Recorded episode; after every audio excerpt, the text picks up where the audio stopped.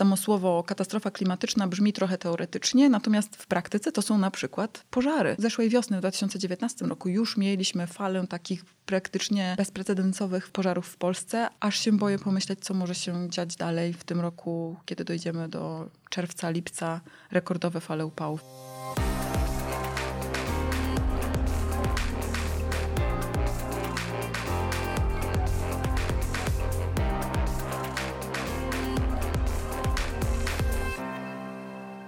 Krzysiek Grzyman, Zielony Podcast. Dzień dobry. Gościem jest posłanka Zielonych Urszula Zielińska. Dzień dobry.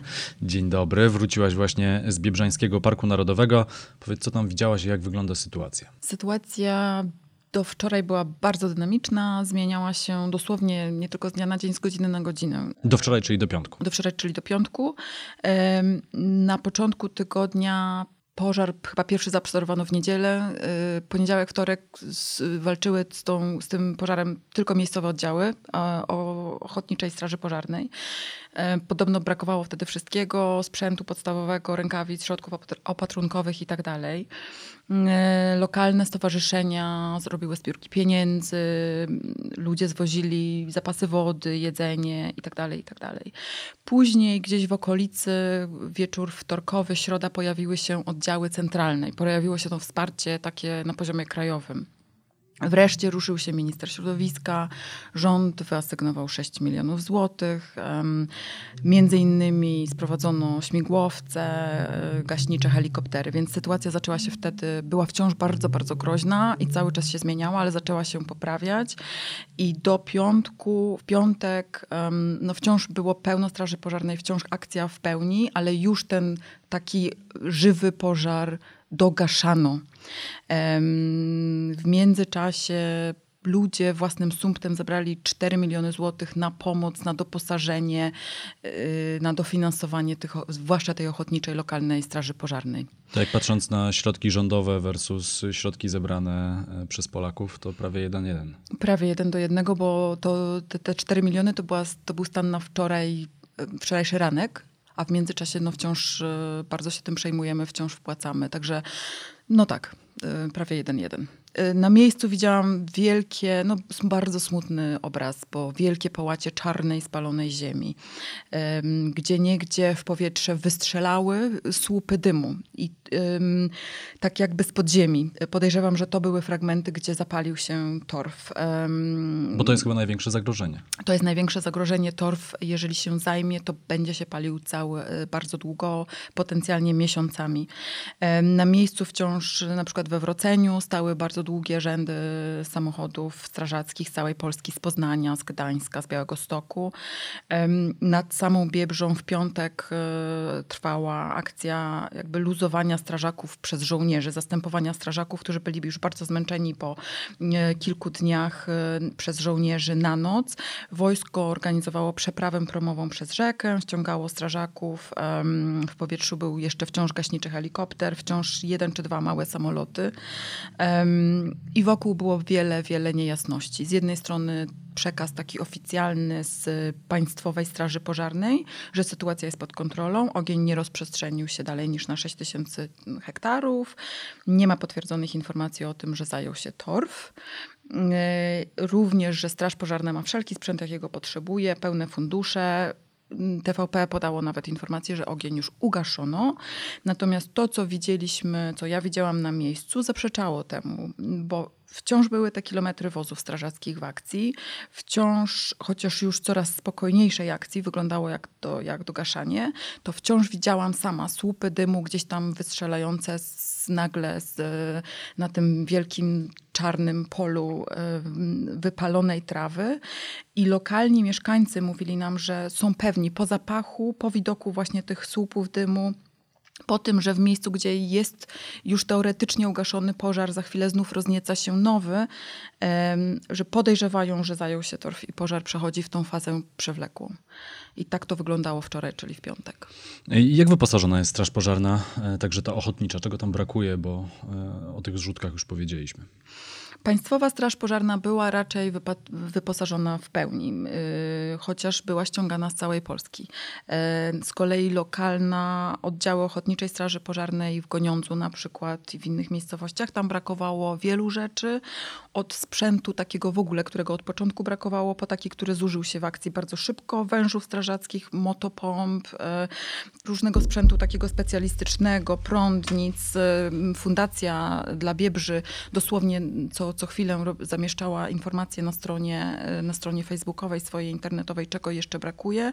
Zbiorników na wodę, latarek, powerbanków. E, no i ponieważ mamy epidemię, brakowało też takich podstawowych środków e, ochrony osobistej, maseczek, rękawic, środków opatrunkowych.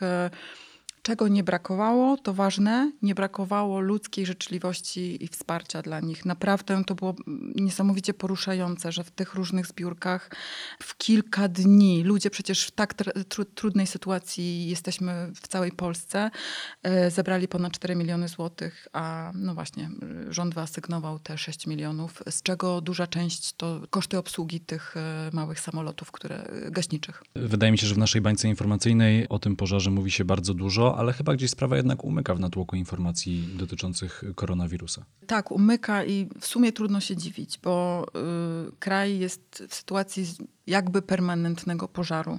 Ja sama dojechałam nad Biebrzą dopiero w piątek, e, bo jeszcze w poniedziałek i wtorek na przykład pisałam pytania do komisarza Komisji Europejskiej przed środową sesją Komisji do Spraw Wolności Obywatelskich i Sprawiedliwości Parlamentu Europejskiego w sprawie naruszeń prawa przez rząd PiSu w Polsce.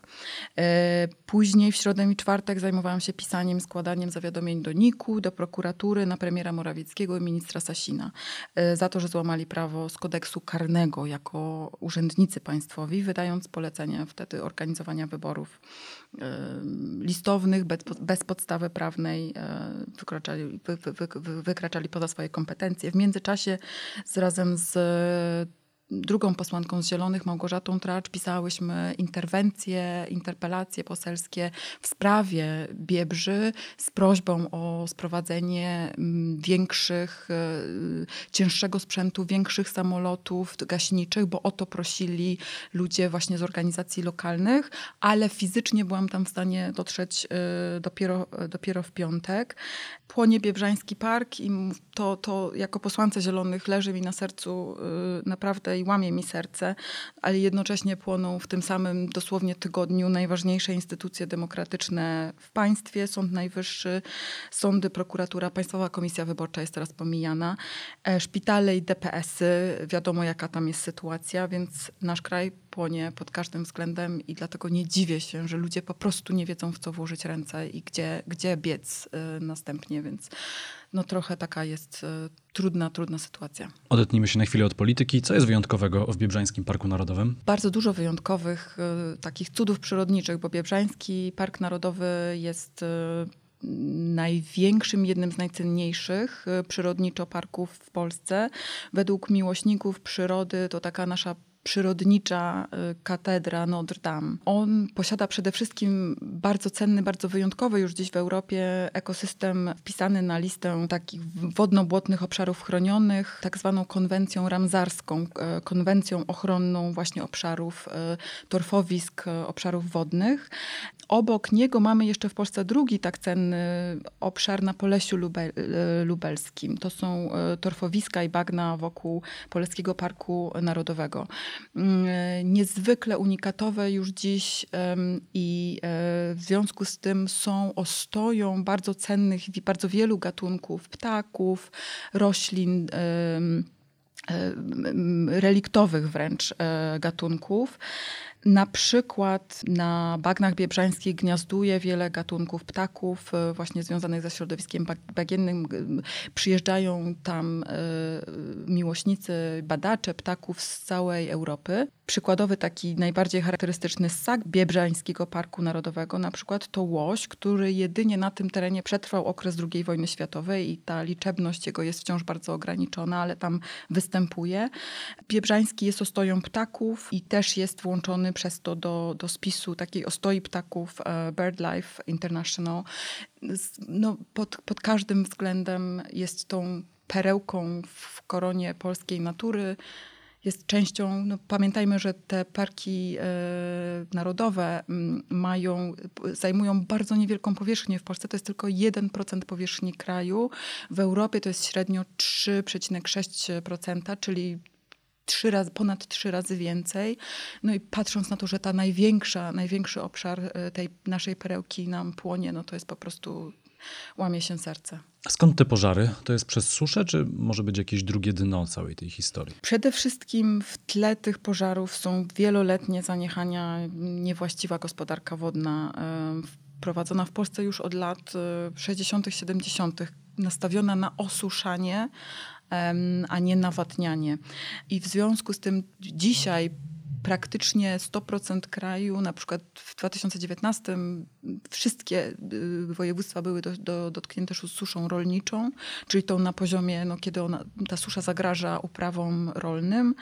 95% kraju jest y, narażone na suszę hydrologiczną, czyli tą na poziomie cieków wodnych, e, wód gruntowych. A w tym roku susza stulecia. A w tym roku susza stulecia, yy, najbardziej sucha zima, bez praktycznie śniegu.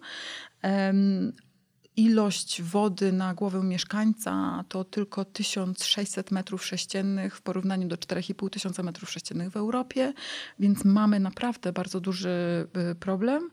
Natomiast bezpośrednio przyczyną tego pożaru było najprawdopodobniej wypalanie traw przez rolników i y, co jest y, niestety takim procederem corocznym, jest nielegalne, ale wciąż się dzieje i 呃 spotęgowane dodatkowo tą suszą i, i wiatrem. Ten, ten, ten ogień bardzo szybko się rozniósł.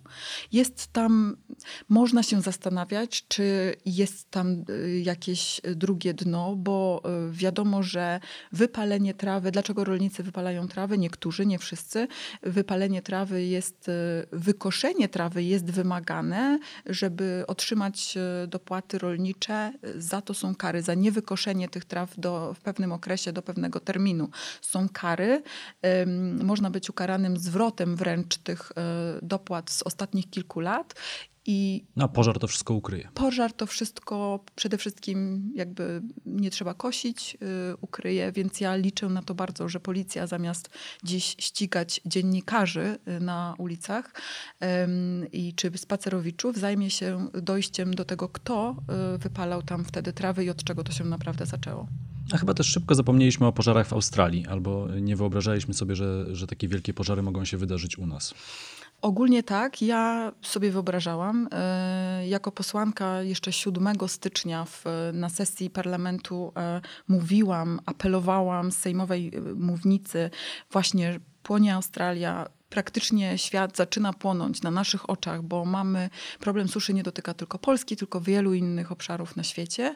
Jest jedną z, jednym z symptomów e, katastrofy klimatycznej, która już tutaj jest i złożyłam wtedy, e, miałam bardzo silne wrażenie, że jako kraj nie jesteśmy na to w ogóle przygotowani. Złożyłam wtedy wniosek formalny o to, żeby wymusić że, tą debatę na temat tego, jak jesteśmy przygotowani, czy, czy mamy zabezpieczenie na na przykład falę pożarów, która byłam przekonana, że za chwilę nadejdzie po bardzo suchej, rekordowo suchej zimie. Mm, w lutym odbyła się na ten temat pseudodebata na Komisji Środowiska. Mówię pseudodebata, ponieważ e, w moim wniosku e, poprosiliśmy, żeby na tą debatę przyszedł minister do spraw klimatu, e, pan Kurtyka. On się nie pojawił, wysłał swojego podsekretarza stanu, który powiedział nam parę ogólników, nie odpowiedział praktycznie na żadne pytanie rzeczowo zadawane. Posłowie mieli mnóstwo pytań, na które on nie odpowiadał. Powiedział, że nie ma problemu z z wydaniem na przykład kolejnej koncesji na odkrywkę węgla brunatnego w okolicach Złoczewa. Jednocześnie wydał e, ten właśnie nasz minister klimatu w grudniu kolejną e, koncesję na węgiel, wydobycie węgla kamiennego w okolicach spod praktycznie Poleskiego Parku Narodowego, gdzie jest kolejny ten teren cenny przyrodniczo, a wiadomo, kopalnie i odkrywkowe i głębinowe osuszają teren i pozbawiają go wody, zmieniają zupełnie stosunki wodne. I on z tym nie miał żadnego problemu, po czym debata miała pojawić się na sali plenarnej na początku kwietnia. To było zgłoszone jako punkt sporny, bo PiS nie chciał się zgodzić na tą debatę i w głosowaniu większością PiSu odrzucono y, ten punkt sporny. Nie było debaty na temat suszy. I dosłownie tydzień później zapłonął Biebrzański Park e, Narodowy. Z suszą jest tak, że mamy z nią do czynienia coraz częściej, co, co, co, roku już e, praktycznie. Nie jest tak, że nie ma żadnych działań rządu, no przynajmniej na papierze. Jest program, to, to, to zostało w pewien sposób zaadresowane. A jak go można ocenić, ten istniejący dokument? Ten istniejący dokument jest w fazie dokumentu. Dokładnie tam, gdzie, jak mówisz, to jest po prostu na słowa na papierze. Co więcej, e, to się nazywa program Stop Suszy. On jest tworzony e, zresztą przy pomocy funduszy europejskich od 2016 roku i termin na jego zakończenie rząd ma do końca tego roku, czyli 2020, czyli tworzy się już od czterech lat. W, właśnie na początku kwietnia miało być, e, zakończył się etap konsultacji publicznych i miało, miała być taka konferencja podsumowująca te konsultacje publiczne. Ona została przesunięta wstępnie na wrzesień z powodu pandemii, e, czyli program jeszcze nie jest zakończony, a już e, no, dobiega końca termin na jego przygotowanie.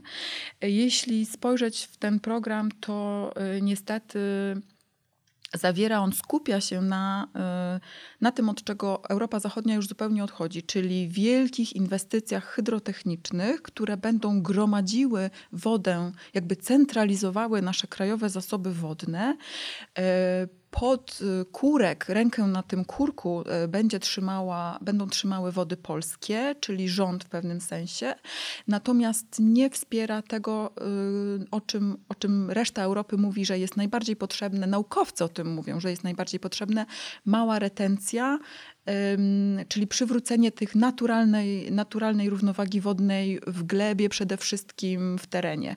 I to jest bardzo poważny problem. Bardzo dużo było wobec tego y, wniosków y, różnych organizacji społecznych y, ekologicznych, żeby właśnie to zmienić w tym programie, no ale program jest wciąż niezakończony, nie wiemy gdzie to, w którą stronę to pójdzie, nie wiemy kiedy zostanie wdrożony. W międzyczasie to, co mnie najbardziej niepokoi, to, że minister Grubarczyk zaczyna używać w tej y, dramatycznej suszy jako straszaka, żeby pominąć wręcz y, te konsultacje publiczne. I właśnie y, dostaliśmy informację w zeszłym tygodniu, że w Ministerstwie e, Gospodarki Morskiej i Żeglugi Śródlądowej powstała jakaś specustawa do spraw e, walki z suszą.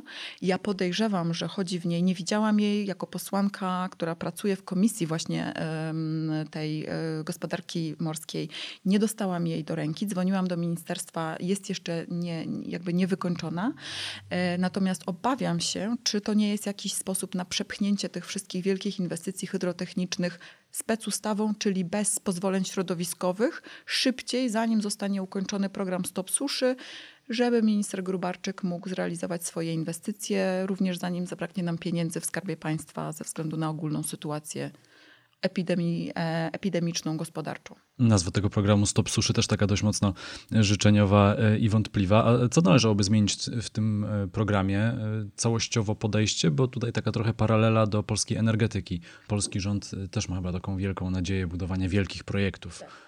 To samo z infrastrukturą, na przykład wielkie lotnisko, które ma powstać. tak? W przypadku tak. energetyki elektrownia atomowa, która wiadomo, że i tak nie powstanie. Tu chyba decentralizacja najlepszym pomysłem.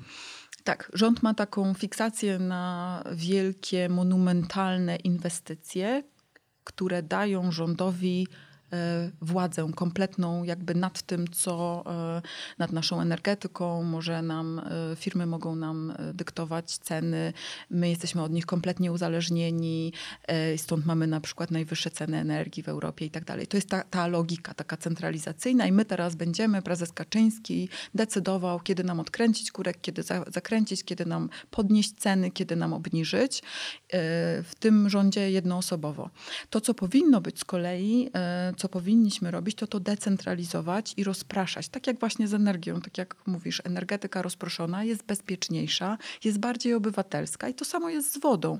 E, mała retencja, czyli rolnik, który ma na swoich terenach jakąś, jakiś, jakiś staw, jakąś małą retencję, e, jest wtedy też bardziej niezależny od studni e, głębinowych, pomp, którym od tych cen podatków na niego nakładanych jego woda w, na jego terenie jest bardziej, te stosunki wodne są w równowadze, więc nie ma takiego dramatycznego problemu, nie musi tej wody kupować, ma je, jakieś zasoby jakby u siebie lokalnie. lokalnie.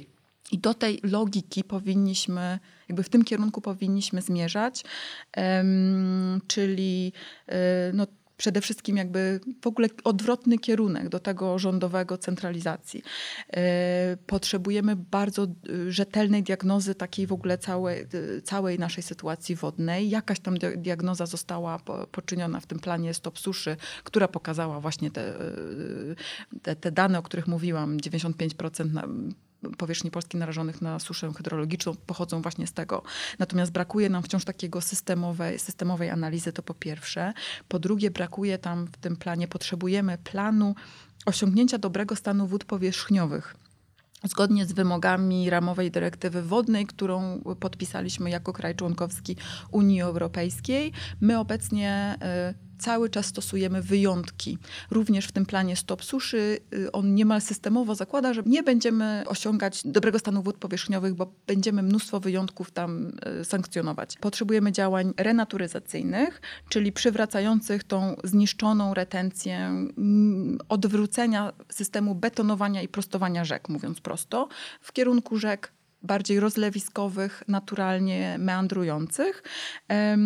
Musimy przywracać retencję krajobrazową, e, strefy buforowe, zadrzewienia śródpolne, coś co dzisiaj agencje rolnicze wręcz zwalczają i zabierają rolnikom dotacje, jeżeli zetną te zadrzewienia śródpolne, które chronią ich pola przed erozją gleby na przykład. Musimy ochronić strefy źródłowe, rzek, renaturyzować te źródłowe odcinki dopływów. Musimy też jakoś rozwiązać systemowo system takiej rabunkowej gospodarki, bo niestety duża część eksploatacji wód wiąże się z tym, że e, no, rolnicy kopią coraz głębsze studnie głębinowe, z których czerpią wodę do podlewania e, upraw, co jest bardzo dużym obciążeniem też dla dla, dla, dla systemu całego.